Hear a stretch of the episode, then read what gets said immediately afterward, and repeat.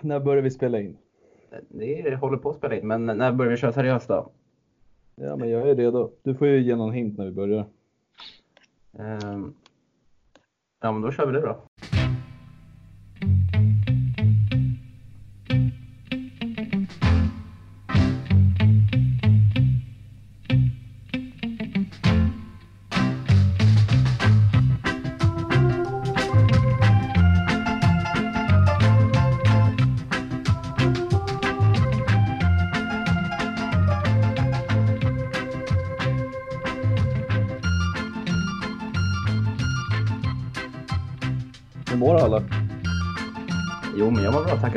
Själv då? Ja, det är bra. Det är bra. Jag ja, kände att det var skönt att få lite utskällning så fort man satte sig vid micken av båda ni två herrar. Ja, men jag tycker att säger man en tid så ska man ju hålla sig till den tiden. Jag vet, men alltså Wille, du vet Du ju var ju själv så hur det är. jävla på Mattias förra veckan liksom. Ja, men Mattias har ju kommit för sent i princip varje avsnitt. Nu när jag kommer, förlåt, ganska många minuter för sent, det erkänner jag, så sitter jag och får en rejäl avhyvling av båda. Nu får ni fan ta tag i er själva alltså. Oj, oj, oj, Ja. oj, oj, oj, oj, oj. Herregud. Men eh, ha- han är ju omnämnd i de brittiska medierna så han kanske har mandat att komma för sent nu för tiden. Ja, som han har hybris, Mr Stålberg alltså. Herregud. Efter de Vänta, där med... förlåt, Mr Twitter, jag hörde inte vad du sa. Vad sa du för? Och vad, vad den andra människan i bakgrunden ville, är det någon som vet vem det är? Nej just det, du bor ju där uppe i Piteå. Ja, Ja, man har ju fått stänga av notiserna den här veckan, Ville, eller hur? Det har ju varit Ja. en eh, hybris av Guds like från Kevin när han fick in de här artiklarna i engelsk media. Men eh, det ska vi väl ge han. Ja, men innan vi slutar håna honom lite kan vi bara nämna vad han skrev till oss igår. Citat, inte för att hylla mig själv, men vet såklart att ni kommer börja gaffla om det Jag direkt. visste Jag att säger här det. skulle komma med. Vi Jag kanske ska uppa värvningen av Edvin, slutcitat. Och det här liksom skedde ju för en vecka sedan, man sitter fortfarande och tjötar om det. Ja, det är otroligt alltså. Vad kontrade du med Wille? Eh, jag kontrade inte med någonting vill jag påstå. Jaha, för jag minns ju att du skrev att du inte behövde uppa dina artiklar utan de kom med självmant. Var det inte så? Det var ju det du skrev. Eh, ja, ja, ja, men vad Men- menar du nu? Ja, för du gav ju mig ett svar om att du hade ju fått dina artiklar, eller förlåt, det blev ju omnämnd i den här brittiska podden. Var det inte Ja, så? Exakt. Och det var du tvungen att outa direkt efter. Ja, men så länge du, du, så länge du skickar ut den här Du jävla drulen om jag får säga det själv. Då måste man ju alltid hugga tillbaka så att man får ta ner det lite på jorden hela tiden för då svävar är du- iväg varje gång. du- Då är du lika illa som jag är, så du har ju ingenting att försvara mig i sådana fall. Jo, men det har jag. För jag, jag Nej. vet inte om det. Nej, lilla, lillebror-komplex, nu slutar vi. Ja, det är väl lika bra att sätta punkt där va? Ja, nu Eller? rullar vi igång grabbar. Men vi har ju inte frågat Mattias, hur är läget? Jo, det är magiskt. Det kan inte bli bättre. Andra avsnittet i rad här utan att man har blivit petad. Så att eh, fan, nu börjar man ju slå sig in på allvar här. Eh, Fick du sonen att slagga till sist eller? Jajamän. Var, hällde upp en flaska, Barolo. eller en flaska, en glas Barolo. Då fick han lukta lite. Så var det bara tack och godnatt. Ja, ditt, eh, ditt medverkande förra veckan gav ju eko i hela den svenska poddvärlden för du gästade ju en annan podd igår. Ja, precis. Fick eh, äran att gästa MUS-podden, eh, Uniteds eh, svenska podd. Ehm, där vi surrade upp matchen som komma skall på måndag. Och vi pratade faktiskt lite Hakim Ziyech som precis då hade börjat florera rykten om att han var klar. Då. Så att de, de på United-sidan blev väldigt glada nu när vi fick in eh, Ziyech för att eh, nu tror de stenhårt på att de får in Sancho till sommaren. Att vi har släppt fokus där så att eh, vi får väl se. Mm. Ja, vi tänkte väl att vi kanske direkt slänger oss in i Hakim Ziyech utan vi, vi presenterar ingen agenda idag utan vi kör bara på. Men det slog ju lite, inte, inte som en bomb kanske är svårt att säga, men väldigt plötsligt så slog det ner igår att eh, The Telegraph, den holländska tidningen, där gick ut med att Hakim Ziyech är klar för Chelsea till eh, sommaren. Den här ytter, yttermittfältaren från Ajax som vi alla känner igen då, eh, då han spelade mot eh, Chelsea då på Stamford Bridge och eh, där i Amsterdam nu under Champions League-gruppspelet. Och Kevin, vad var din spontana tanke när du fick reda om det här? Um, ja, men alltså jag kände att det kändes väldigt rätt. För jag har ju gafflat en del om honom tidigare och nämnt honom som en av de tilltänkta nyförvärv utöver Sancho och alla andra. Eh, sen blev jag jävligt glad över att se summan. Jag trodde att det skulle vara mycket högre än vad det var, men nu blev det ju totalt vad är det, 44 inklusive bonus om bonuserna slår ut rätt. Och det är för mig ett jävla kap, alltså sett till kvaliteten Hakim har. Jag, tänker, jag, jag sökte upp lite stats på honom och blev jävligt nyfiken direkt och såg att han har bara den här säsongen gjort liksom 6 mål, 13 assist på 18 matcher och totalt 38 mål på 107 matcher för Ajax. Må Så vara att det är, det är holländska ligan, men alltså statistiken visar att det är en bra poängspelare och väldigt mångsidig, vilket jag tycker är jävligt, det behövs jävligt mycket kanske någon som kan avlasta Mount ibland på nummer 10 positionen och såklart så ska man väl spela honom på en ytterposition, den har varit i Ajax, vilket är hans främsta position i mitt tycke. Men eh, jag var riktigt, riktigt nöjd med, med den värvningen. Jag tycker att det är ett av sommarens bästa kap redan och då har vi inte ens kommit till sommaren. Så att jag är jävligt nöjd. Vad känner ni grabbar? Ja, alltså det är ju sett i pris är det ju en fantastisk värvning av eh, vår ryska stålkvinna Marina Granovskaja. Hon gör det igen. Eh, det är ju eh, väldigt smart också att göra sådana här tidiga värvningar som vi även gjorde med Christian Pulisic tycker jag. Ehm, och eh, vi får väl se. Eh, han är väl 26 va Kevin, du som har koll på allt statistik. Ja, um, så det, det, är ju, det är ju ingen, eh, det är liksom ingen ung talang så men uh, han har ju spelat Champions League med Ajax och gjort det bra och, och visat att han har kvalitet även mot de större lagen. Så att, uh, det ska bli spännande. Jag är ju för att spela med yttrar som kan gå inåt i banan och skjuta. Och det blir spännande att se då om Hakim Ziyech kan gå från höger och eh, Hudson Odoi till vänster då och vi har två yttrar som kan kliva inåt. Alternativt så, så bara kan man switcha dem och så får man en helt annan eh, får man ett helt annat spel eh, om då Ziyech går till vänster och Hudson Odoi till höger. Så det öppnar ju upp möjligheter. Vi ska inte heller glömma att Christian Pulisic finns där. Så att, mm. Spännande! Sen mm. eh, är väl frågan då som jag var inne på som vi pratade lite grann med eh, Manchester United-sidan igår. Eh, vad som hände med Sancho. Om det är ett hett spår för oss fortfarande eller om vi nu går på andra spelare. Ja, vad tror ni? Ja, vi kommer komma in lite på det senare. Jag tänker att vi stannar kvar ändå lite vid Hakim eh, Ziyech. Mm. Eh, för jag känner också att det, det, är, det, är en bra, alltså det är en bra poängspelare vi fått in här som ändå har en väldigt positiv utveckling, eller som fått en positiv utveckling just det här året. Jag kollade upp lite av hans eh, statistik och eh, på sina 11 Champions League-matcher i fjol så stod han för, svarade han för 3 plus 3, 3 mål, 3 assist. Och i år på de sex som Ajax spelade i gruppspelet så gjorde han ändå 2 plus 4 på sex matcher. Mm. Och jag kan inte så, eller jag har inte sett så mycket Ajax, jag har inte sett så mycket av Ziyech, men jag har läst på lite om honom idag och igår kväll för lite klipp och det är precis som du säger Mattias, alltså det verkar vara en spelare som verkligen gillar att skära in med hög fart från kanten och ta avslut eller hitta medspelare. Och det är liksom lite det Chelsea kanske har saknat, att man får in den här kreatören på de offensiva mittfältspositionerna. Mm. Också någonting med, eh, med Hakim. Jag tror om det var förra året eller ja men det måste nog vara förra årets säsong så toppade han ju statistiken på att ha tagit mest avslut under straffområdet tror jag. Eh, vilket jag tycker är också någonting som behövs i Chelsea. Jag tänker på att vi är ett lag som gillar att spela oss fram oftast i lägen och försöka hitta Abraham, men det behövs ju också en spelare som kan avsluta. Han är extremt bra på fasta situationer, han har jävligt bra doja och han kan leverera frisparkar från alla olika ställen alltså utanför straffområdet. Så jag tror att det är en väldigt mångsidig spelare och en poängspelare uppenbarligen. Liksom, nu är det ju upp till honom att bevisa att han klar, kan klara på en ännu högre nivå för att Ajax är ju ett, ett otroligt bra lag. Vi såg ju hur det gick förra året med dem när de var i, i slutspel och så vidare. Men att spela vecka in och vecka ut i Eredivisie är kanske något lättare än att spela vecka in och vecka ut i Premier League. Och det är ju såklart ett steg som han kommer, måste bevisa att han klarar. Men alltså jag har ändå förtroende för honom. Jag, tycker, jag har ändå sett, försökt se lite Eredivisie, speciellt med Ajax. Jag tycker de är jävligt roliga att kolla på. Han det är ju en stjärnspelare i det laget. Alltså han står ju för det mesta. Det är han och Tadic och Daley Blint där bak som är generalerna i laget. Så att, eh, jag tror att vi har, vi sitter på ett bra kap här. Mm, jag hoppas verkligen det. Eh, jag är inte, jag, jag är inte 100% övertygad, men jag känner en väldig så här, spänning inför den här värvningen.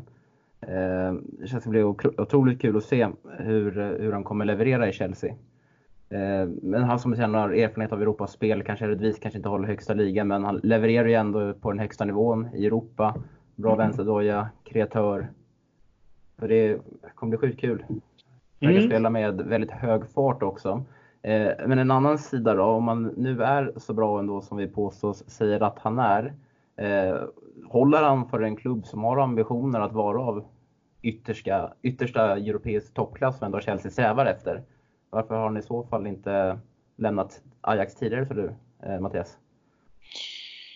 Ja, det var ju Ajax tränare eh, var ju ute och kommenterade det här, var det igår eller i förmiddags som det kom att han var förvånad över att han inte var såld Eh, tidigare än så här. Han trodde att uh, han definitivt skulle bli såld i somras men det kom inga bud. Så att, nej, jag vet inte, det är såklart, uh, det är ju en del, um, om man är inne på olika forum och Twitter idag så är det ju många ändå som ställer sig lite tveksamma till Ziyech, att han inte är den här uh, yppersta världsklasspelaren utan han, han ligger lite grann under. Och ja, nej, men det får han väl som du säger visa då om, om han är den spelaren eller inte. Men för den här summan så tycker jag att det vore dumt att inte chansa i alla fall.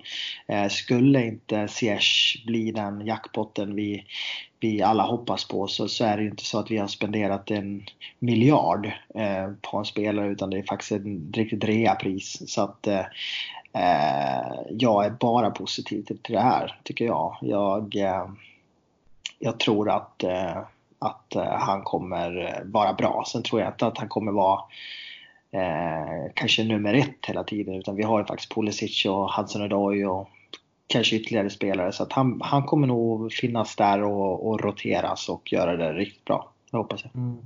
Eh, för han hade ju en utköpsklausul har jag eh, läst förra sommaren på 30 miljoner pund, men, eller euro eller vad den valutan eh, de har i Holland.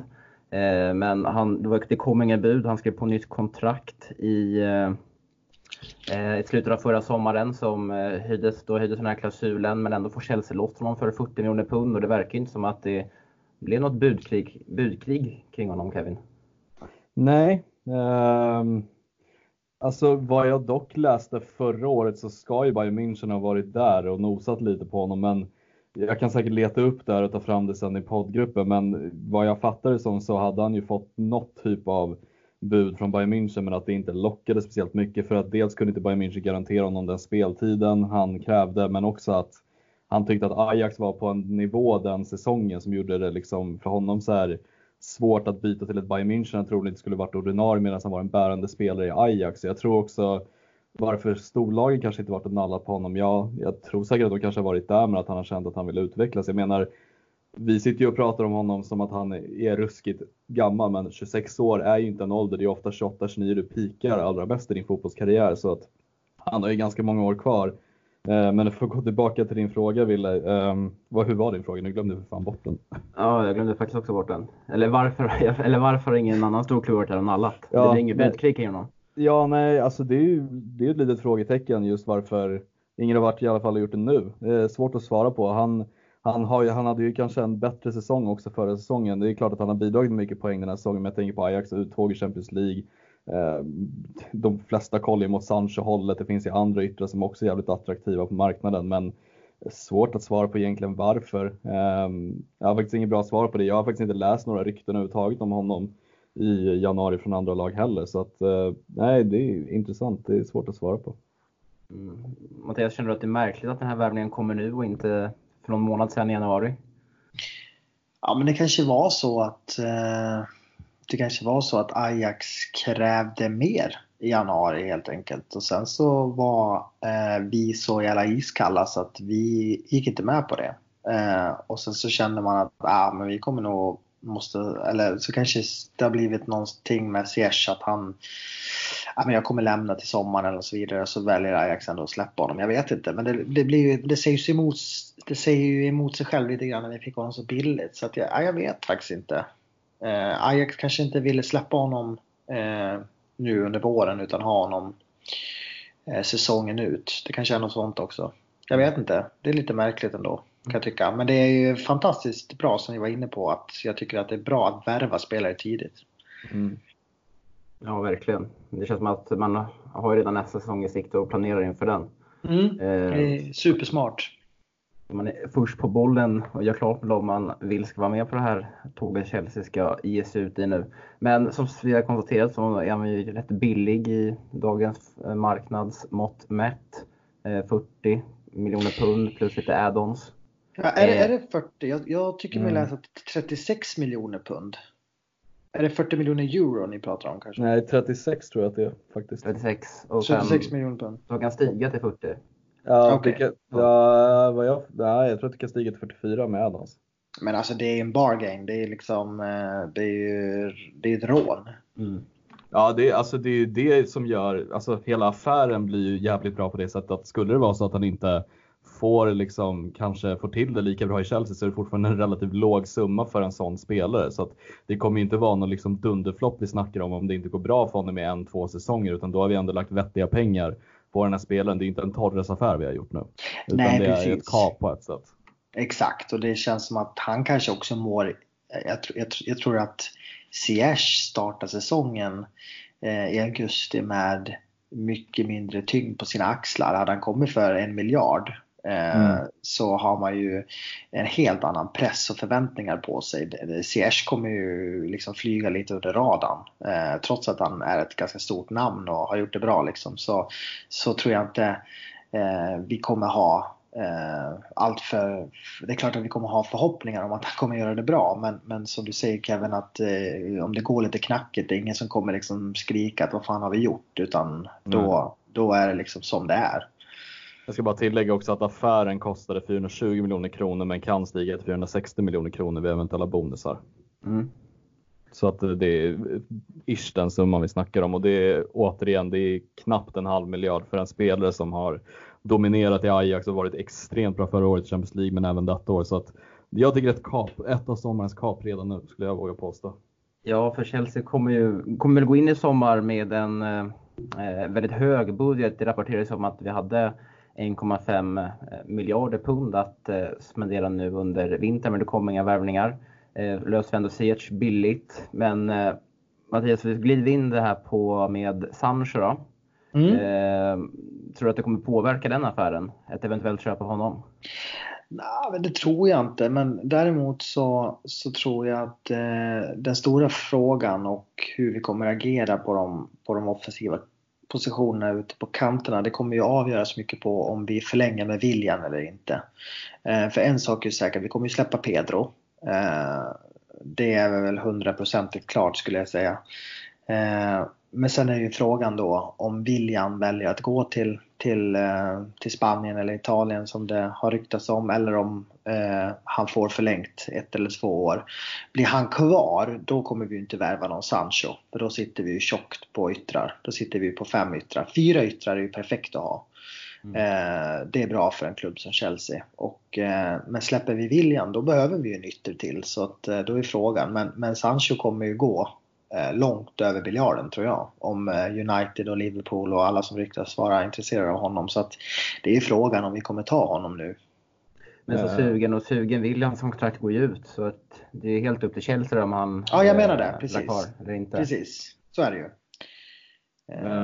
Men får jag bara lägga till det, för jag, jag motsätter mig lite dig Mattias, för jag tror att det här påverkar oss jättemycket. För att om vi tänker realistiskt, vi har ju två anfallare som Lampard inte spelar. Det är för mig ett statement på att båda kommer inte vara kvar till sommaren. Jag ser inte varför man sitter kvar med Batshuayi.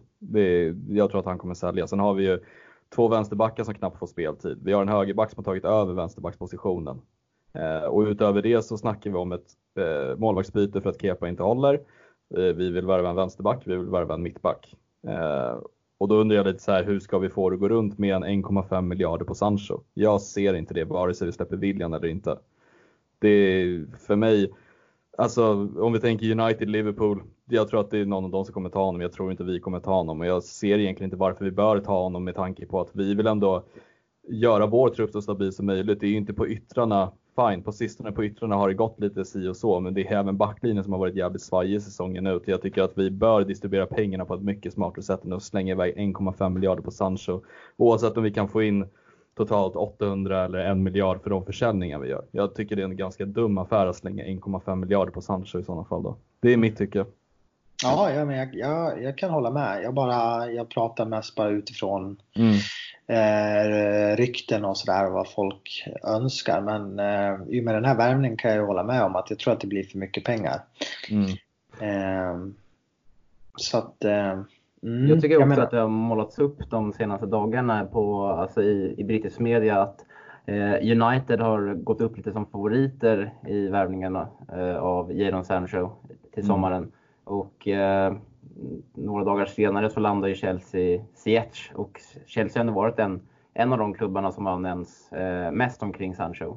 Mm. Och det är någonting, känn, någonting känns där som att eh, Chelsea kanske inte är, kommer, kommer de kanske inte vara ute efter Sancho till sommaren? Man ska också komma ihåg att eh, vi har sedan några år tillbaks inte ehm, lagt överpriser på spelare. Vi har blivit mer återhållsamma när vi värvar. Eh, och vi tänker på de här Financial Fair Play-reglerna och eh, vi har ju en eh, väldigt fina eh, siffror nu eh, på eh, ekonomin. Så att jag, jag, jag tror inte att vi kommer göra den affären heller faktiskt. Ehm, även om jag såklart, det kittlar ju när man hör Jadon Sancho. Han är ju en av världens mest hypade unga spelare. Så det är klart att det hade varit eh, kul att se honom i Chelsea men, men jag tror att det blir för dyrt. Men också tänker jag, det stoppar ju lite utvecklingen. För jag tänker, värvar vi Ziyech, jag tror inte vi värvar honom för att sitta på kvisten. Ja, vi har en Kalle Mattsson Odoi som är i en utvecklingsfas. Vi har en Pulisic som har fått ett litet mini-genombrott den här säsongen men som fortfarande är väldigt ung och är i en utvecklingsfas. Vi har en Mount som kan spela på kanterna eller spela i mitten som är i utvecklingsfas. Det känns ju också, alltså slänger vi ut pengar på Sancho, då kommer ju han ta positionen från Hudson Odoi eller från någon annan. Alltså vi Mm. tänker det stoppar ju lite utvecklingen för våra talanger också. Vad vill vi se? En 1,5 miljarder på en Dubai-resande Sancho eller våga satsa på våran Callum Hudson Odoi och Mount istället? Alltså för mig tar den här värvningen mer och mer emot, i alla fall i mitt tycke, att ha honom. För att jag tycker personligheten verkar inte vara superskön hos Sancho. Pengarna är svin mycket verkligen. Och då ska vi liksom också försöka få till det i laget och har vi värvat Ziyech, ja då ryker ju någon av våra liksom akademiprodukter som kommer hamna på kvist. Alltså fattar ni? Det blir ju liksom extremt mycket pengar i onödan kan jag tycka bara. Fan, Ja, det är kul att du klankar ner på Sancho där för hans Dubai-resande när vi precis har haft Abraham, Tomori Mount och eh, Reece James i, i Dubai. Jo, skillnaden är att de kanske inte gjorde en jävla kortfilm om det i typ 10 minuter. Som Sancho gjorde. Om ni inte har sett den så ska vi skicka in den i gruppen för det är bland det värsta jag har sett i alla fall. Men Barkley hängde väl också där och, och krökade Mm. till det lite. Ja, Vi kanske ska gå in lite på vad Chelsea-spelarna gjorde på semestern. För det, är- jag tror att det här är det Mattias har suttit och väntat på. Ja, för Ja, det har ju ni koll på alltså. det har varit jävligt kul faktiskt att följa eh, spelarna här på, på semestern. Vilka jäkla idioter alltså. Ja. Ja, vi hade ju en liten rolig tråd där på Twitter. Ja precis, jag går faktiskt in nu och kollar så vi får lite uppdateringar. Du, här. du hängde verkligen ut drulen och sa liksom nej, våra talanger sköter sig och så kommer alla bilder än. Och, Nej, jag sa bara att Mount var och hemma Barkley. ja. Och Barkley. Ja, jag, jag, men jag, blev, jag, jag skrattade faktiskt till när jag, när jag så, såg den där bilden på Mount i Dubai i vetskap om att du typ 18 timmar senare lagt ut att eh, vissa reser till Dubai men Mount stannar hemma och tränar extra. Jävla besvikelse alltså. Ja, det var sjukt. Nej, men eh, det verkar ju vara ett, eh, det verkar ju vara ett eh, em, populärt resmål för unga britter, Dubai. Eh, det är ju, som ni var inne på, både Mount, eh, James, eh, Tomori, Abraham och Hudson-Odoi. Eh, alla våra fem eh, främsta engelska talanger var ju där och klappade lejon och matade björnar och eh, hade någon örn på armen och käkade guldkött och åkte sportbilar och köpte guldkedjor. Och... Men vet ni vad de inte gjorde dock? De gjorde inte som Madison och svepte en 5 liters flaska med skumpa. Nej, men det är nästan bättre tycker jag. Ja, det är nog kanske. fint. Är det semester så är det semester. Alltså, alltså jag drar ju hellre en, en flaska skumpa än och matar en björn och klappar ett lejon. Ja, Ja, men... Det känns, jag vet inte, men åka på resa till Dubai, dra på, en, på ett zoo för att hänga med lemurerna liksom. Nej, det men är det är ju någon arab, det är ju någon arab där som de har varit med. Alla har ju sagt så här, thank you very much eh, och så är det någon shake. Eh, det är väl någon shejk som har något eget zoo där som man får komma in och träffa djuren. Eh, för övrigt så nu när jag, nu när jag var inne och kollade på Siege så har ju faktiskt Siege och Matabjörnen 3 januari. Ja, vad är det för jävla liga i det här laget alltså? Ni får fan ge sig. Det är overkligt. Det är overkligt. Ja, men CS kommer ju bli väldigt varmt, eh, eller kommer få ett varmt mottagande när han kommer till, till Cobham. Mm. Ja, ja, han kan ju haka på britterna. Sen har vi ju, eh, sen har vi ju Jogge, eh, Jorginho. Han har ju varit hemma i Brasilien och hälsat på morsan och, och hela släkten där. Han har ju suttit på någon eh, sketen gammal eh, innergård och druckit mojitos eller caipirinha vad man nu dricker i Brasilien och eh, haft eh, hemmafester och varit, varit lite små, små eh, rund under fötterna. Men det gillar man ju ändå. Det är ju genuint. Mm. Det var jävla fint. Moget beslut. Ja. ja. men Jogge är ju fin där. Han känns uh, mogen. Uh, även en annan kille som är mogen det är ju Kovacic. Det är en jävla fin kille. Alltså, ja. Han tar ju med familjen till, var det Bahamas? Eller? Nej, var, jag satt och kollade, kollade, det var Barbados. Barbados, fint. Ja, jag, han la ju ut flaggan på sin Instagram så bara känner jag inte igen den. Så jag var tvungen att googla på alla världens flaggor för att kunna hitta vilken det var. Där ja. har vi geografikunskapen hos Wille i alla fall. Ja, man är ju fin Kovacic. Han är inte så jävla bling-bling heller utan han tar på sig en linneskjorta, ett par shorts, eh, sin eh, rakade juggefrilla där och ja, men det är fint, det gillar man. Mm. Eh, Billy Caballero, han har ju rest till USA. Han var ju på Lakers eh, häromdagen. Eh, gillar man ju också. Det känns ju, känns ju lite fräschare än att, än att åka och eh, klappa björnar i Dubai faktiskt. Ja, det, det, hade ju varit konstigt om en 38-årig Caballero åker till ett zoo och klappar björnar och sveper en 5 liters skumpa. Då hade jag fan börjat undra vad som händer. Alltså. Men det känns väl ändå som att det borde vara ändå tvärtom. Det borde vara typ Mount och de som drar till eh, USA och kollar lite basket medan det är Wille Caballero som tar med familjen till Dubai och djurparken. Exakt. Ja, men lite, lite så konstigt faktiskt. Eh, det, ja, eh, men man gillar ju ändå Caballero efter det här. Man, det, han var och kollade på två matcher här ser jag nu. Clippers ja. mot Spurs och så var han på Lakers och hyllade LeBron James. Ja men det är fint. Han var väl och spelade re, alltså på sådana retromaskiner också. Det passar han på. Ja just det, spela lite slots. Ja, det är fint. det har han råd med. Det har han råd med. Har du någon, Sen, jag har inte sett så mycket annat faktiskt. Har ni några Nej. bra spaningar eller? Nej, men jag satt och eh, Loftus Cheek vet vi var ju hemma och spelade U23 matcher och träna. Givetvis. Eh, Aspelekueta åkte garanterat med familjen till Disneyland. 100%. Ja, ja, det var ju William. Han var ju i Orlando. Han körde Just någon det. jävla flygtur där. Någon jävla ja, fan vilken bild alltså. Ja. Eh, det kan man ju ändå trots allt få ge honom då. Att, eh, men han är ju en family man han också. Det känns som att brasilianerna var stökigare förut. De har blivit lite mer familjära nu. Ja, det är inte liksom eh, Adriano som har till favelarna och Ronaldinho som köper prostituerade på semestern. Utan Nej, precis. Eh, Hemma och besöka Ronald... morsan och med familjen till USA liksom. Ronaldinho. Låt som, låt som Mattias ungdom. Vi vet att Ronaldinho han grävde ju en tunnel från sitt hus till en nattklubb så att man skulle kunna slippa kön och all uppståndelse. Så att han kunde gå från vardagsrummet ner i en tunnel under marken och in på nattklubben. Ja, det, är en, alltså det är en väl investering alltså. Ja, det är fint. Det är fint. Eh, ja, nej men eh, lite så. Där har vi väl varit. Känns kul att uh, Loftus Cheek också uh, gör han sin tredje match nu va? När han möter Arsenal med U23. Är det tredje? Jag tror andra, det. är andra. And, andra är det. Han, nej, det, det, var, det. Ja, det var en stängd match mot Brentford B och nu är det mot Arsenal U23. Jag såg en till bild. Jag är rätt ja, säker. Det ja, det kanske jag är också bara säker på att det är en. Eller okay. ja. ja, men det kanske är det. Men han känns ju han känns het. Nej, men jag vet inte. Alltså, jag såg, eh, inne och kollade på lite diverse forum som liksom bekräftar den här Room of the Chic-hypen som finns. Att eh, de, eh, det, det lades ju ut på Chelsea-appen där, The Fifth Stand. Eh, lite highlights från den, från den stängda matchen mot Brentford där. Eh, och folk är, åh kolla vad fin han är, han är så kvick i steget Ruben of the Chic. Mm. Så kollar man den här highlights-videon. Nej, det var inget märkvärdigt. Men det, det, det är ju som med Kepa när han gör en räddning. Har ni sett vilken jävla räddning? Ja, den är inte så märkvärdig heller faktiskt. Nej, så. Eh, Men Mattias, vad tycker du? Du hade nog suttit och skrivit sådana där kommentarer va? Ja, men man, man fan, eh, han, det känns bra nu.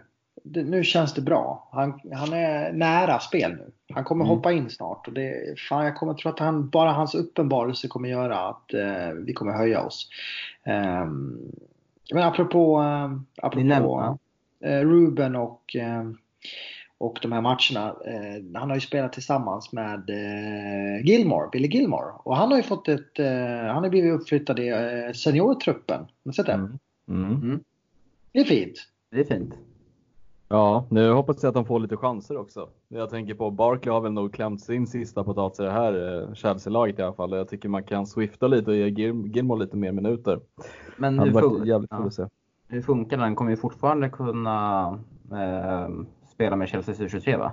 Mm, I, alltså i, fem, alltså i, i, i tävlingsmatcher för dem. Ja men precis, fem registrerade, jag tror, vänta förlåt, tre eller fem registrerade A-lagsspelare får spela varje match med U23-laget. Hur många Så sa du? att, Fem? eh, Ja, tre eller fem, jag är lite osäker på exakt hur många det är. Men eh, det är x antal spelare från A-laget som får spela U23-matcher. Så att eh, jag tror att det handlar mer om att han liksom är där på heltid på träningarna liksom och inte flyttas upp och ner kanske på träningsplanerna. Men eh, jag tror ändå att det kan ge honom lite mer minuter ändå, skulle jag nog våga säga. Ja, Mm. vi får se. Um, Kommer jag du satt och tänkte här nu. Ja, kör, kör Wille. Nej, så jag tänkte eh, vilka vi hade i FA-cupen. Det blev ju Liverpool där som slog ut Shrewsbury till slut. Mm. Annars tänkte jag att Shrewsbury hade varit en fin match att slänga in Billy Gilmore i kanske. I en Mm. FA-cup. Fjärde runda eller vad det nu blir. Eh, samt, det känns som ändå chanserna minskar ju med tanke på ändå eh, vilket skede vi ändå, eller, eller vilken position Chelsea ändå har i Premier League-tabellen. Det känns som att man, man får inte tappa en poäng nu. Nej. Ja, nej så är det ju. Alltså det, det, Det känns inte som det tror- gör så mycket faktiskt, eller? Vad tänker du? Att han blir uppflyttad till A-laget. Nej, Alltså just alltså- för den här våren. Ja, nej, alltså det kan jag hålla med om. Jag vet fan, alltså när jag snackar om mer minuter så kanske jag snackar om något, någon, något mer inhopp liksom, men det kommer ju inte generera honom någon typ av startplats i, i någon match i slutet av säsongen heller. Jag tror att det kommer ju vara en, dels en batalj hela vägen in i slutet av säsongen, så jag tror att det kommer bli svårt att se honom få lite fler minuter, men det hade ju varit kul att se om man hade vågat i alla fall byta in honom istället för Barkley, för jag tycker, vad är det egentligen Barkley har bidragit med den här säsongen? Jag tänker att det hade kanske varit en liten frisk fläkt att få in Gilmore i någon match. Han har ju en extremt bra passningsfotteknik. Han hade ju nog kunnat bidra ändå på sitt sätt på ett inhopp. Eh, men eh, nej, det är väl lite som du säger. Jag tror inte att man kommer få se honom så mycket ändå. Nej, men det är ju såklart kul att han blir uppflyttad. Eh, som sagt, det, det är bra för framtiden, men jag tror inte det kommer påverka nu så mycket under våren. Men eh, har vi någonting mer vi vill säga om Chelsea-spelarna på semester? Nej. Jag Nej, tänkte- kom, Ja. kom upp här i mitt flöde precis. Hashtag agentbear. Eh, alltså att björnen ska ha någon slags eh, agent-aura över sig. Jag får upp eh, alla bilder när, när Chelsea-spelare står och, och björnen äter ur, ur eh, deras händer. Och sen så sist kommer då Ziyech när björnen äter ur Ziyechs händer. Och sen då sist så avslutas det med att när Sancho är där och björnen, björnen äter ur, ur hans händer. Så det, kanske, det kanske är någonting med den här björnen att eh, alla, som, alla som ger björnen mat hamnar i Chelsea. Vi får väl se. Det jävla Stäng ner. Matte, stäng ner den här jävla teorin. Gå vidare. Fan, vi sitter och snackar om en björn som påstås vara en agent. Det är så jävla Ja, men det är som den här uh, var det, sköldpaddan i VM 2010. Som, Exakt. eh, gissade rätt på alla lag fram till semifinalen. Var det? Exakt. Sånt, liksom. Man var ju helt pricksäker. Sen hade man ju, sen hade man ju en bläckfisk. Ja, bläckfisken var det. eh, Tänk på en jävla ja. sköldpadda. Nej, men det var bläckfisk. Sen var det något mer. Det var, har man ju haft något mer sånt Lite där också. så pony eller någonting. Ja, man ska, man ska inte underskatta djurens förmåga. Så att, eh, eh, Ja, men alltså, nu får ni, alltså, vad sitter vi och gafflar om? Wille, rör vidare på agendan.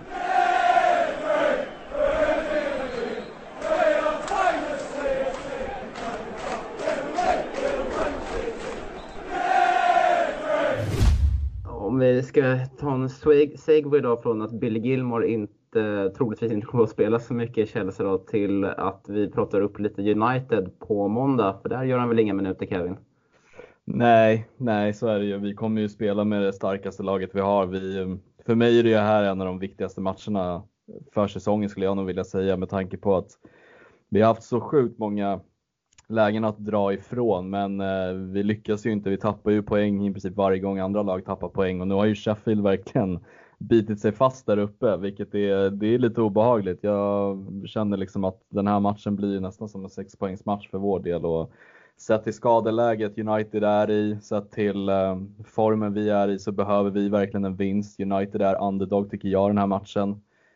Um, så att eh, för mig räknas bara tre poäng. Jag vill inte ha en poäng, jag vill inte ha liksom ett nollresultat. Vi ska köra över United den här matchen. Jag känner att det finns förhoppningar. Nu har vi fått ledigt, grabbarna har fått samla sig, åka till Dubai och dra lite skumpa. Nu får de komma tillbaka och verkligen visa var skåpet ska stå på den här jävla fjärdeplatsen så vi kan klara Champions League i sommaren i alla fall.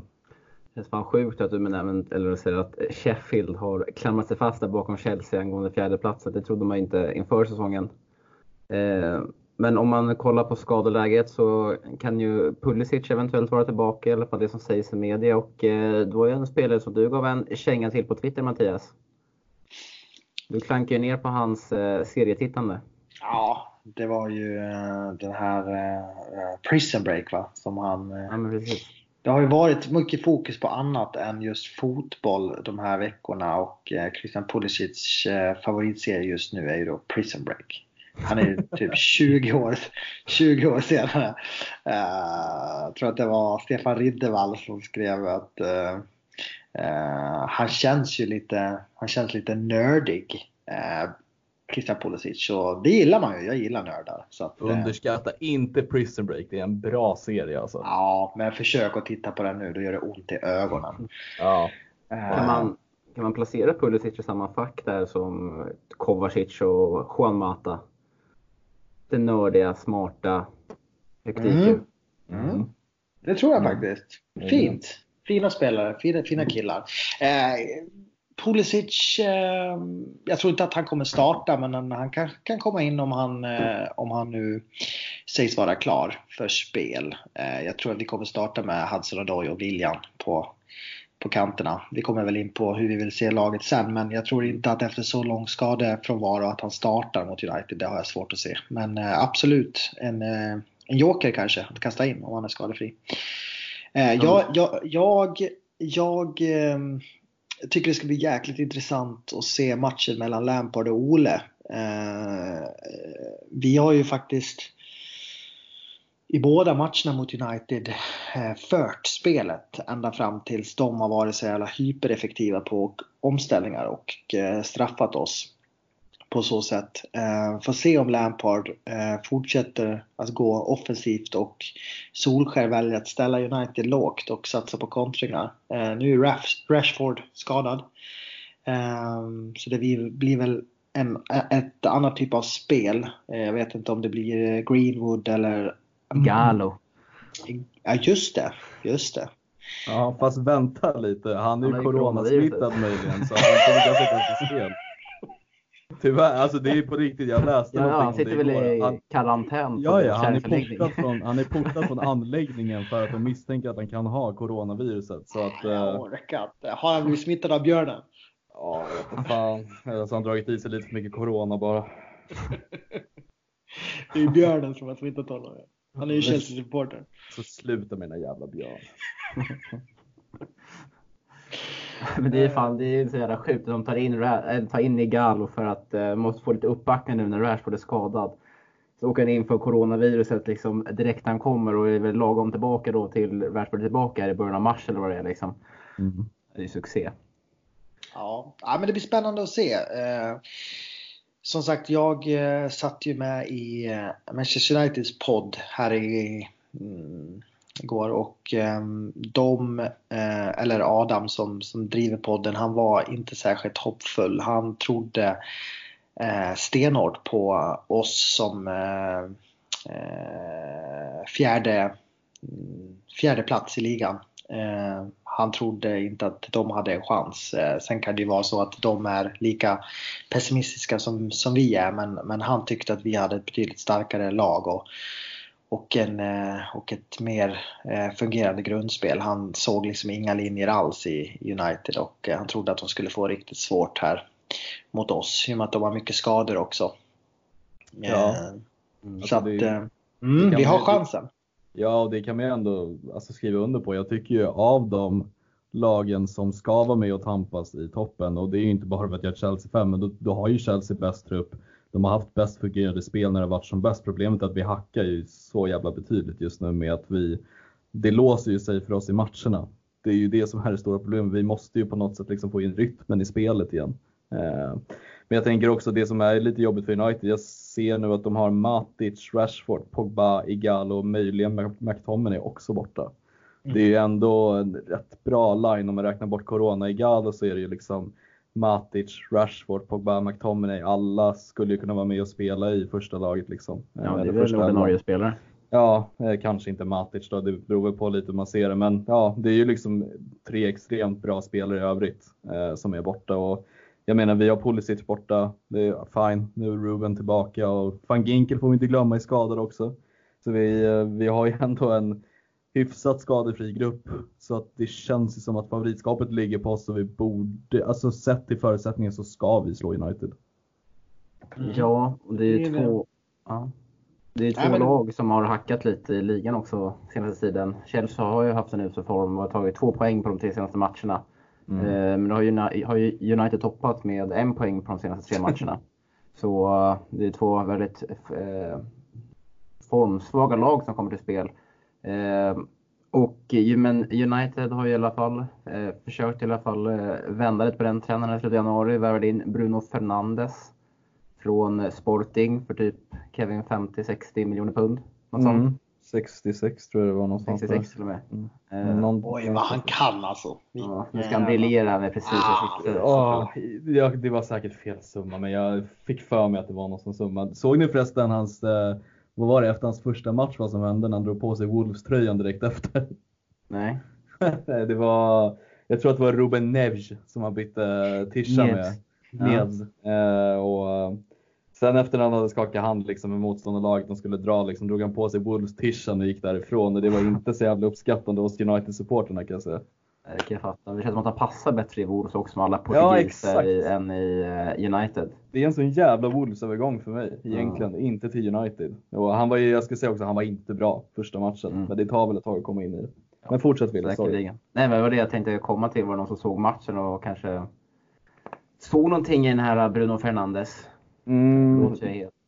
Ja, nej, men jag såg, jag såg matchen. Ehm, jag tycker man ska vara lite rättvis mot honom. United var jättedåliga. Eh, jag tycker inte att det ligger bara på Bruno Fernandes. Jag tycker en annan, en annan med ett portugisiskt namn, Andreas Pereira, var ju totalt under isen. Ehm, men återigen, det är United som hackar också. Eh, man får ge Bruno Fernandes lite mer tid, men man har sett lite highlights med honom. Det är en spelare som också är lite lik Ziyech, gillar att ta avslut, kämpar mycket för laget, bra teknik liksom. Och, verkar vara, vara lite mer av ett typ ett kaptensmaterial, liksom, du vet lite mer lagdrivande, bra teknik och generellt liksom allround ganska duktig på det mesta. Men det är ju brittiska ligan också, han har ju spelat för Odinese tror jag det är i Italien tidigare, så är det Sporting Lissabon. Så att italienska ligan, portugisiska ligan och nu Premier League. Jag tror att det tar lite tid för honom, precis som det kommer göra för många nyförvärv som kommer till Premier League när man har spelat i lite, ja, man ska säga det på ett snällt sätt, sämre ligor. Ja, men det känns ju bara som att eh, det här är en match vi måste bara vinna. I Mm. tanke på hur tabellpositionen ser ut. Och sen är det, väldigt, det skulle vara väldigt skönt om vi får ändå en bra start i den här eh, tuffa matchandet som kommer nu. Med, sen väntar vi både Bayern München och eh, eller Tottenham nästa helg och sen eh, Bayern München eh, i Champions League efter det. Eh, Så det är bra om man går in i de två matcherna känner jag i alla fall med en eh, vinst mot eh, Ole Gunnars United. Men vilka grabbar är det som ska göra det då? Mattias? Jag tänkte kanske att jag rabblar en elva som jag har tagit ut här så får ni hugga om ni tycker annat. Mm. Jag tror att Kepa tar tillbaka målvaktspositionen. Tror inte jag. Det tror jag också. Att du tror att Kepa tar, tar tillbaka den. Ja. Det tror Mm. inte jag. Men Mm. kör på kört Wille. Men nej, men motargument. Va, va, va, Eh. alltså, lite kort.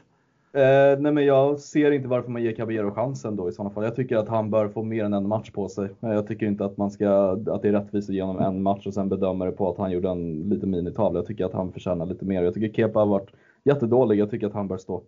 Mm. Jag tror i alla fall att han kommer tillbaka. Lite samma sak som förra året när Kepa fick vila en match efter eh, det som hände med Sarri där i ligacupfinalen. Mm. Eh, kanske sätta honom lite på plats. Eh, en backlinje har jag tagit ut då. James till höger, eh, Christensen, Rydiger i mitten och Aspelekueta till vänster. Nu kör, mm. kör vidare på det han har kört de senaste matcherna. Instämmer. Ja, det är väl bara att instämma. Jag hade själv velat sett eh, Tomore tillbaka i startelvan men eh, det kommer bli som du säger. Och det instämmer jag på dig också det du säger Matte. Jag hade också velat se Tomore. Mm. Eh, jag tror han kör en eh, mittfältsduo här på det defensiva eller centrala mittfältet med Kanté och Jorginho. Precis som förra matchen. Nej, jag tror att Kovacic spelar. Jag hoppas att han gör det. För min personliga åsikt så vill jag att han spelar. Jo, det är min personliga åsikt också. Jag vill att Kovacic ska spela, men jag tror ändå att Lampard kommer ändå formera Jorginho och Kanté. Jag tycker det är i sådana fall tjänstefel mot United som kommer ligga lägre. Jag tycker inte att man ska spela med Jorginho och då tycker jag att Kanté räcker som ett defensivt anker och Kovacic för att distribuera boll i mitten. Jag tycker att vi behöver någon som dyrkar upp mittlåset på Uniteds eh, mittfält. Eh, så jag, för mig är det jättekonstigt om Kovacic blir bänkad. Jag tycker han har varit alltså, helt fel bänkad de senaste matcherna också. Eh, Eh, och det är fine, det är en personlig favorit hos mig, men jag tycker inte Jorginho bidrar med det Kovacic kan bidra mot lag som kommer stå lite lägre och kontra på oss. Jag tycker att han behövs stå. Mattias? Mm, jag eh, är beredd att hålla med Stålberg här. Eh, sen, sen beror det ju på då vad man tror att Lampard kommer ställa på planen och vad man själv eh, önskar. Ja, ja självklart. Eh, det var, jag, vi tror Lampard, eller vad jag tror Lampard kommer ställa ut med. Mm. Ja, precis. Eh, och eh, då, jag, jag tror faktiskt att vi kommer spela ett 4-3-3. Eh, jag tror att det blir den klassiska trion Kovacic, Jorginho och Kanté. Faktiskt. Eh, då kommer du inte hålla med här om att jag satt ut William Mount och Hudson Odoi där framme? Nej, det blir ju knasigt. Det blir knasigt. Eh, jag, tror, jag tror på uh, Hudson Odoi, uh, Abraham och William. Jag tror att Mount får vila den här matchen. Faktiskt. Jag är, håller med din trio och anfallet Ville. Uh, och såklart det här med Kovacic, det är ju min personliga åsikt ja, ja. av att jag tycker att han ska vara med. Jag förstår också att det här är den förväntade elvan, men vad tycker ni? Om jag bara får fråga er det lite snabbt. Alltså, vad är det som gör att Kovacic blir bänkad just nu? Jag förstår inte riktigt det. Den är faktiskt väldigt svår. Ehm, det känns väl inte som att, alltså det känns väl som att, eller det är lite, det är lite märkligt eftersom att eh, han har bytt väldigt ofta utan förklaringar Lampard. Vi minns ju vi bara kollade december där så var ju Jorginho den som var petad samtidigt som att det var, det var Kovacic och Kanté. Mm. Och sen har han ju ruckat lite på det nu så det är Kovacic som är bänkad och, och det är Jorginho och Kanté som spelar och det finns egentligen ingen förklaring. Nej. Det kan ju vara så här också att eh, det händer saker på Caban som inte vi eh, ja, så är det vet om. Det kan ju vara så att Kovacic har haft en dålig period, att han har varit lat eller att han eh, liksom sånt där som inte vi ser. Vi har bara sett att han har varit otroligt bra på matcherna men sen när han har blivit bänkad så kanske han bara liksom Ja, men han kanske har hängt med huvudet och varit svag på träningar och så vidare. Det är sånt som inte vi kan se. Det måste ju vara någonting sånt. För att går man på prestation på match så har ju Kovacic varit höstens bästa mittfältare tycker jag. Och det kan vi nog alla, alla skriva under på. Så att det, det är ju märkligt. Så att mm. någonting måste det ju vara som har hänt på... Men, det, men det som är så konstigt tycker jag det är att när han väl fått hoppa in eller fått chansen så har han ju gjort det bra. Det är det som gör det extra konstigt att Säg att det har hänt någonting på Cobham. Det syns inte på matcherna när han spelar tycker jag. Jag tycker inte han har varit under isen på samma sätt som Jorginho eller Kanté till viss mån har varit vissa gånger, eller Mount för den delen också. Alltså, Kovacic har ju oavsett om han har hoppat in från bänken eller blivit utbytt varit bra matcherna igenom. Jag har inte sett en, eh, vad ska man säga, det har inte funnits en lika låg nivå som det gjorde förra säsongen på honom som det finns nu. Nu visar han ju att det är en jämn spelare som tar plats varje match. Så att det är ju snarare Jorginho för mig som varit lite, lite mer under isen den här säsongen jämfört med Kova. Eh, jag bara är supersvårt att liksom förstå varför och varför man inte kanske spelar de tre ihop lite mer nu. Det är mycket Mount och Mount måste vara att han bidrar med två assist mot Leicester men alltså matchprestationen har inte varit bra för Mount, tycker jag i alla fall. Ja, men det är väl hur Lampard egentligen vill spela. Mm. Tror jag det handlar om i, i grund och botten. Då får du bara plats två på centrala mittfältet, någon måste vila. Och eh, Kanté känns lite untouchable. Men jag är lite inne också på att, det är fyra, att jag helst skulle vilja se ett 4-3-3. Eh, drömmer, tillbaka, alltså, drömmer mig ofta tillbaka ibland till den här matchen vi gör mot Liverpool. Säsongens Mm. andra match där med Jorginho, Kanté och Kovacic. Det tycker jag, trots resultatet, så tycker jag i alla fall att det var säsongens bästa prestation hittills. Mm. Då kommer andra Ja. matchen och det kommer det, mitt, och det kom med det mittfältet. Sen så tycker jag ändå vi svarar upp med det mittfältet det och gör en, det är väl samma mittfält som gör en ruskigt bra andra halvlek mot Liverpool hemma sen också. Mm. Ja, men det är lite därför jag tycker att eh, jag återkommer till det ganska ofta. Jag, jag vill se 4-3-3. för Jag tycker att det är då vi har gjort våra bästa insatser på säsongen. Mm. Eh, och speciellt, lite som du var inne på Kevin, när vi spelar Kanté och eh, Jogge eh, i två sittande roller så ska vi ha tre framför. Då, det blir två spelare som blir för defensiva. Jag, Mm. jag, jag, jag tycker inte att den formationen är bra. Ska vi spela 4 2, 3, 1 då ska vi ha Kovacic eh, som sittande för att han kan liksom driva upp bollen på ett annat sätt. Så att, eh, nej, 4-3-3 för min del. Yes, men eh, härligt. Då stänger vi ner det införsnacket inför matchen och eh, fokuserar då på eh, lyssnarfrågorna. Du glömde en grej. Resultat, vad tror vi? Ja, just det. Jag, eh, om jag får hänga ut den så tror jag att det blir 2-0 till oss. Håll nollan alltså. Ja, jag tror fan att Caballero stänger matchen. Ja, jag klarar inte, men jag tror, jag tror att vi släpper in ett mål. Eh, 3-1. Jag ser på framåt. Fan, jag var ju nära i, Le- i Leicester-matchen där. Kevin, jag vet, du och satt och skrev, Mm. skrev där eh, inför. Vad tror du det blir? Mm. Trodde ju på 3-2 till Chelsea där. Ja, det var ruskigt nära alltså. Satt där och tänkte, det här måste vara ödet. Så jag satt och Ja. väntade. Björnen, vad tror du det blir? Björnen tror på 2-1. Till Chelsea. Ja, givetvis. Eh, jag tror att eh, United eh, kommer stå lågt. Jag tror att vi kommer trycka på och den här gången så är det tredje gången gilt. Eh, vi tar tre poäng. Men det kommer sitta hårt inne. Det kommer.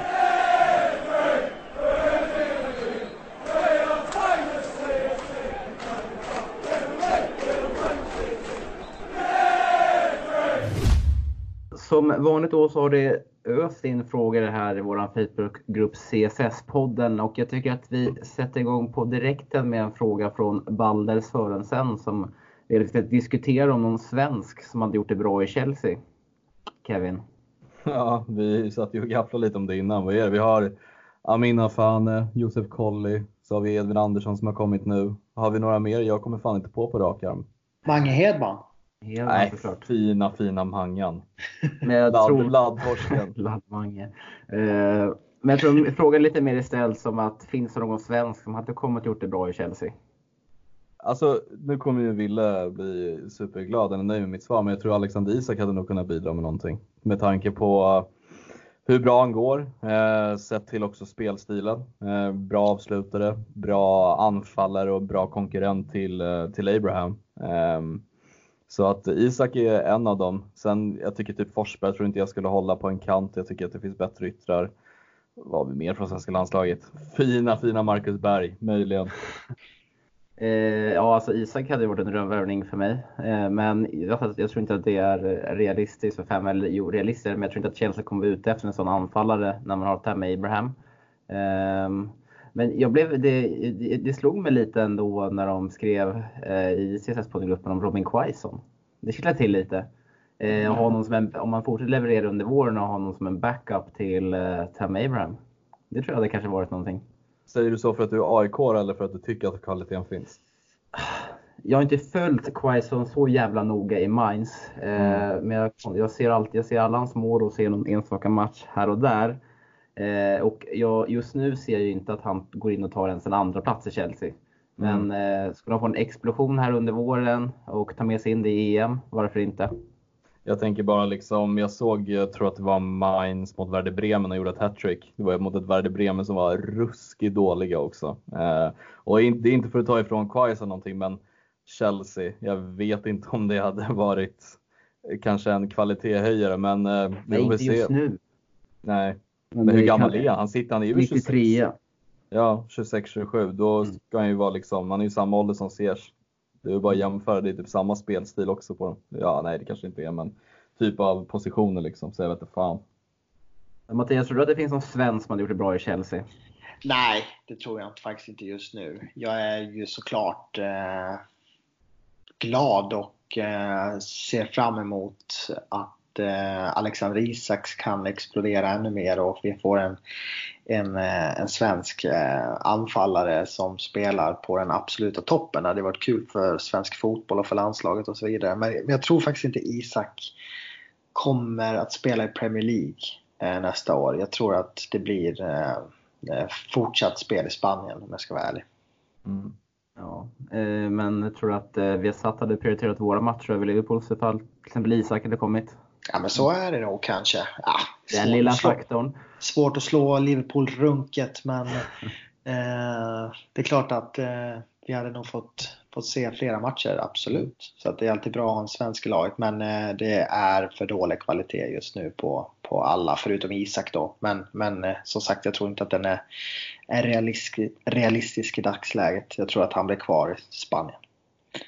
Eh, Kevin, du har ju suttit och meckat och pillat här under eftermiddagen eftersom att Thomas Elofsson vill att eh, vi ska ta ut en bästa elva med bara vänsterfötter. Ja, alltså jag försökte fan. Det är ju svårt att få alla liksom de ursprungspositioner man spelar på på rätt ställe med vänsterfötter. Men jag gav det ett försök. Vi har ju, vill jag ska dra det förresten eller? Ja men kör. Peter Cech i mål. Tänkte ju på Snake först, men så kom jag på att Peter Cech också är vänsterfotad. Sen har vi Ashley Cole på högerbacken får det bli. Nathan Ake. Sen var det ju svårt att hitta en annan mittback som var vänsterfotad så ja, fick flytta in Filippe Luis. Sen har vi Wayne Bridge till vänster. Men då måste jag bara få inflika, var är Asier del Horno? Var är alltså, han någonstans? Ja, vem ska han peta? Bridge? Nej, jag, skojar, så ja, jävla herregud. dålig fotbollsspelare. Ja, herregud alltså. Uh, nej, sen så var det svårt att hitta in i mitt fält. Vi har ju Matic såklart, vänsterfot, men sen så fick det ju bli Boji Vincenden istället som fick vikariera där på in i mittfältet. Fina Bolo, fina ja, Bolo. Sen har vi en fin trio grabbar. Alltså Robben, Ziyech och Damien Duff. Mm. Så Ziyech innan han inte gjort en match för Chelsea så kliver ja, han in i bästa elva vänsterfönster? Självklart. Jag tänkte, vad fan, Matte du skrev någon, Ambrosetti, hette han det? Ja precis. En, eh, Gabriele Ambrosetti, vi värvade honom från mm. Vicenza. Eh, under, mm. Jag tror det var Vialli som värvade in honom, men fin. Men jag hade ju även velat, eh, istället för kanske Filippe Luis som inte blev någon hit, så hade man ju hellre kanske velat se Celestin Babayaro som ja, var eh, nigerianska kungen där på, på vänsterkanten. Det kan jag träffa faktiskt. Och sen så anfallare, ja, jättesvårt att hitta en anfallare så jag fick bli Mata i en falsk nia-roll där uppe. Mm. Fina, fina Mata, men du tog inte med dubbelfotade Pedro? Nej, alltså frågan är vad, vilken ursprungsfot det är egentligen han har. Är det, höger det är ingen som vet alltså. Därför är det svårt för mig alltså.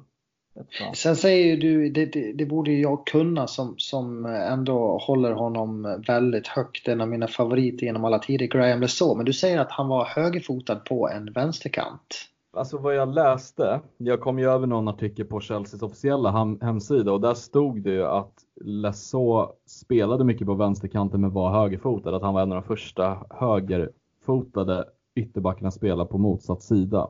Vad jag ja, fattar det som. stämma. Jag, jag, jag läste jag, lite jag snabbt ju, bara. Ja, jag, jag, jag kommer faktiskt, jag borde ju ha koll på i och med att jag tycker så mycket om honom.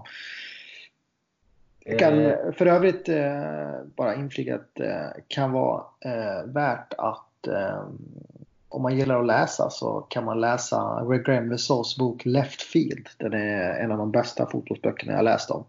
Den är eh, ruskigt bra. Mm. Tack för tipset. Mm.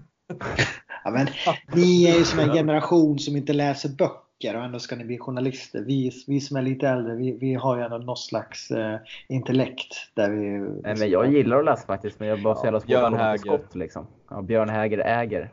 Ja, nej, men, Häger.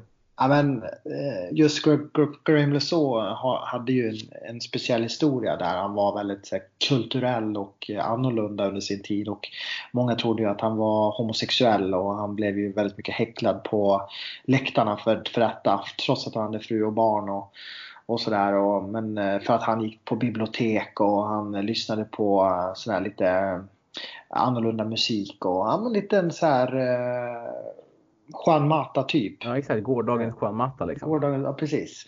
Eh, och det här skriver han ju om i sin bok. Så att, eh, mm, eh, trots att inte Ville och Kevin läser böcker och eh, hånar det här tipset så alla ni som läser Nej, böcker. jag hånar inte för fem öre. Nej. Mattias beter sig som en vitkränkt man. Ja, exakt. Herregud, sitt ner i båten.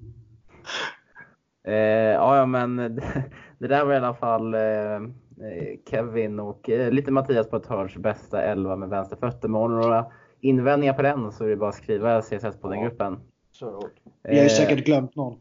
Ja, Ja. såklart. Garanterat. Det litar jag på att ni har. Eh, Joakim Nilsson Ingves eh, undrar hur vi ser på att utnyttja klausulen vi har på, på Boga som gör det riktigt bra i Serie A just nu. Ja, jag är ju väldigt för att utnyttja den klausulen för hans, han, jag vet inte exakt hans statistik, han har väl inte öst in mål och poäng men han har kommit igång extremt mycket och har sett väldigt bra ut. Jag menar, det har ju varit klubbar som Barcelona och Napoli och så vidare som har jagat honom. Även hans agent har gått ut och bekräftat att det har varit seriösa, liksom, eh, seriöst intresse från den. Eh, ganska många klubbar och att det har förts lite samtal med Granovskaja eh, under januari vad jag fattar det som eh, och att de Chelsea visar fortfarande intresse för Boga. Eh, och vad var det? Det var väl 12 någonstans där det ska ligga på klausulen. Eh, Jag gör en Kevin och säger till 12,5.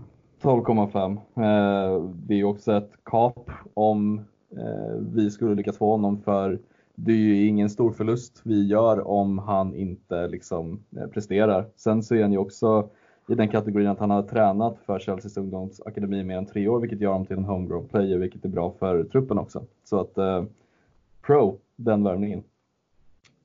Eh, ja, men, ja, jag håller med eh, faktiskt. Men jag satt och tänkte lite på det här med återköpsklausulen där. För förde ett resonemang här för några dagar sedan att eh, man kanske kan köpa tillbaka honom för 12,5 och göra en större affär. Men det är väl Mm. så att han är släppt till, alltså släppt till Sassuolo men Chelsea har en eh, återköpsklausul. Så Den- Boga lär väl i regel inte gå med på att gå tillbaka till Chelsea för 12,5 och sen då tillåta Chelsea att, att då sälja honom vidare samma sommar för en högre summa. Nej, alltså då måste man ju Det är ha, till- ja, exakt. Ja, nej men då måste man köpa tillbaka honom och få över liksom personliga villkor och sen sälja honom. Det kommer han ju inte gå med på. Nej. Så det känns väl att om vi värvar tillbaka honom så är det tänkt för att han ska spela, ta en plats. Ja. Exakt. Vad känner du kring Boga då Mattias?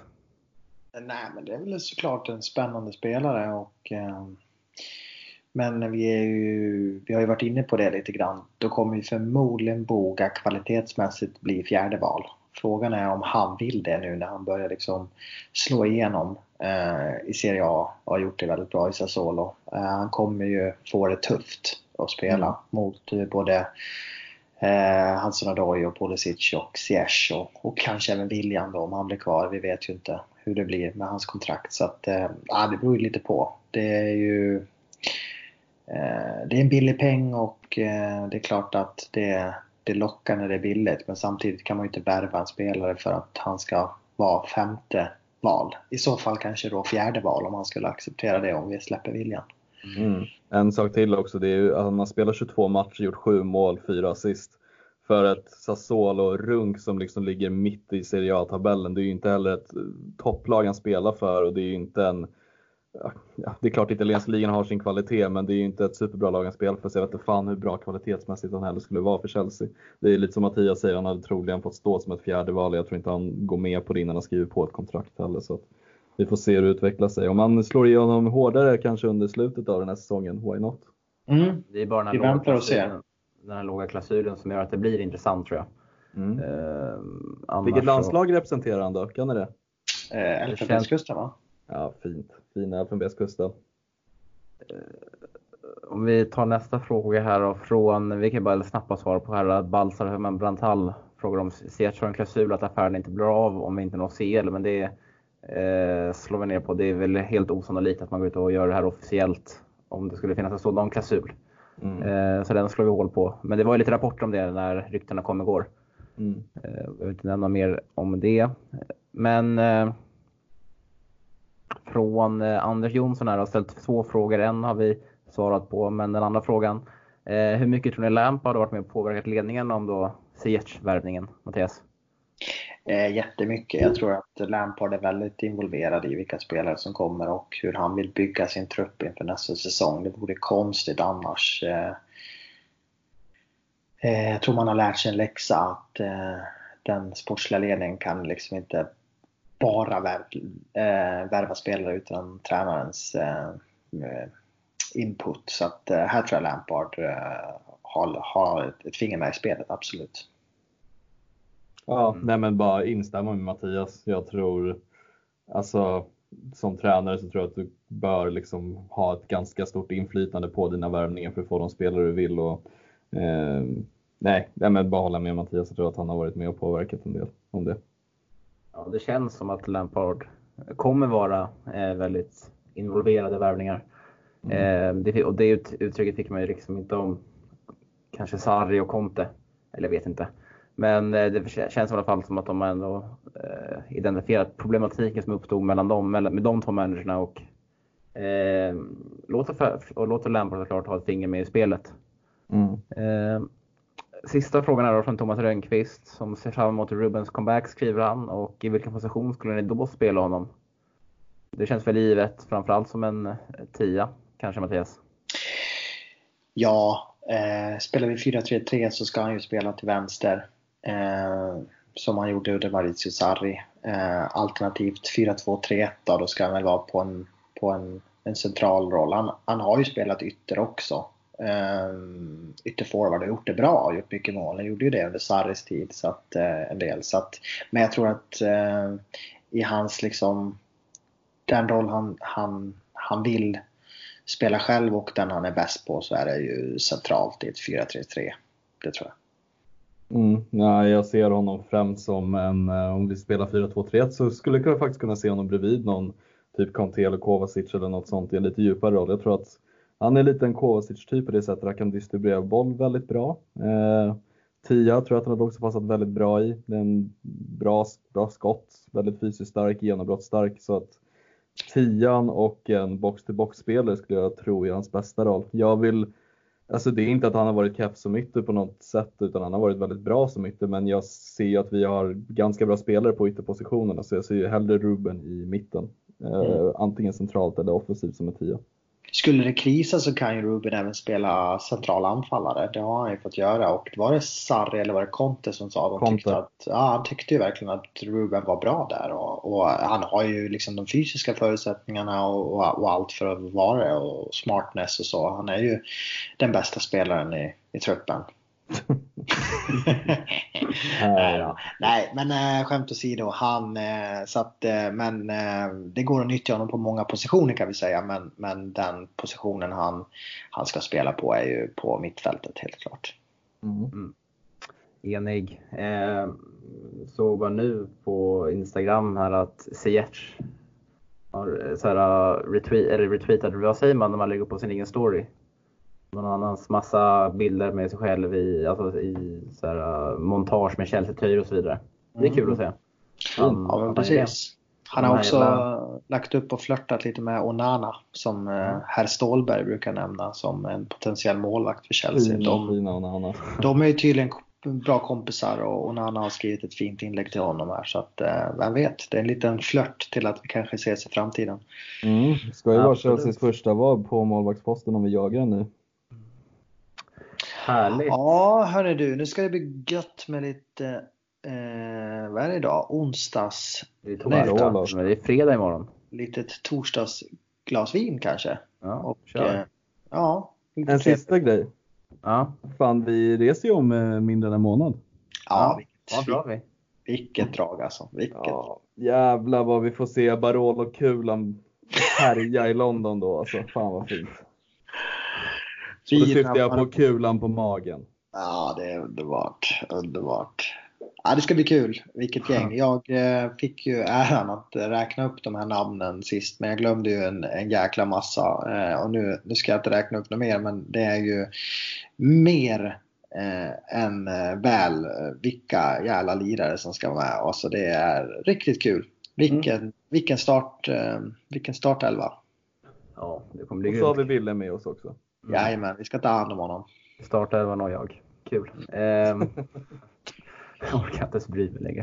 Eh, men eh, ja, man ser duktigt fram emot eh, mot den resan och nästa vecka så blir det nog podd på tisdagen eftersom att vi spelar måndag kväll. Så då kan vi inte sitta och snacka här eh, under den utan då kör vi ett avsnitt efter den matchen. Och, eh, så får jag uppmana er alla att följa upp sociala medier på Twitter och Instagram. Där vi på Instagram heter Chelsea Sweden official och på Twitter där vi heter Chelsea Swe. Och såklart även då eh, följa vårt arbete på Svenska fans där vi lägger upp artiklar dagligen om vad som sker och händer runt om i Chelsea.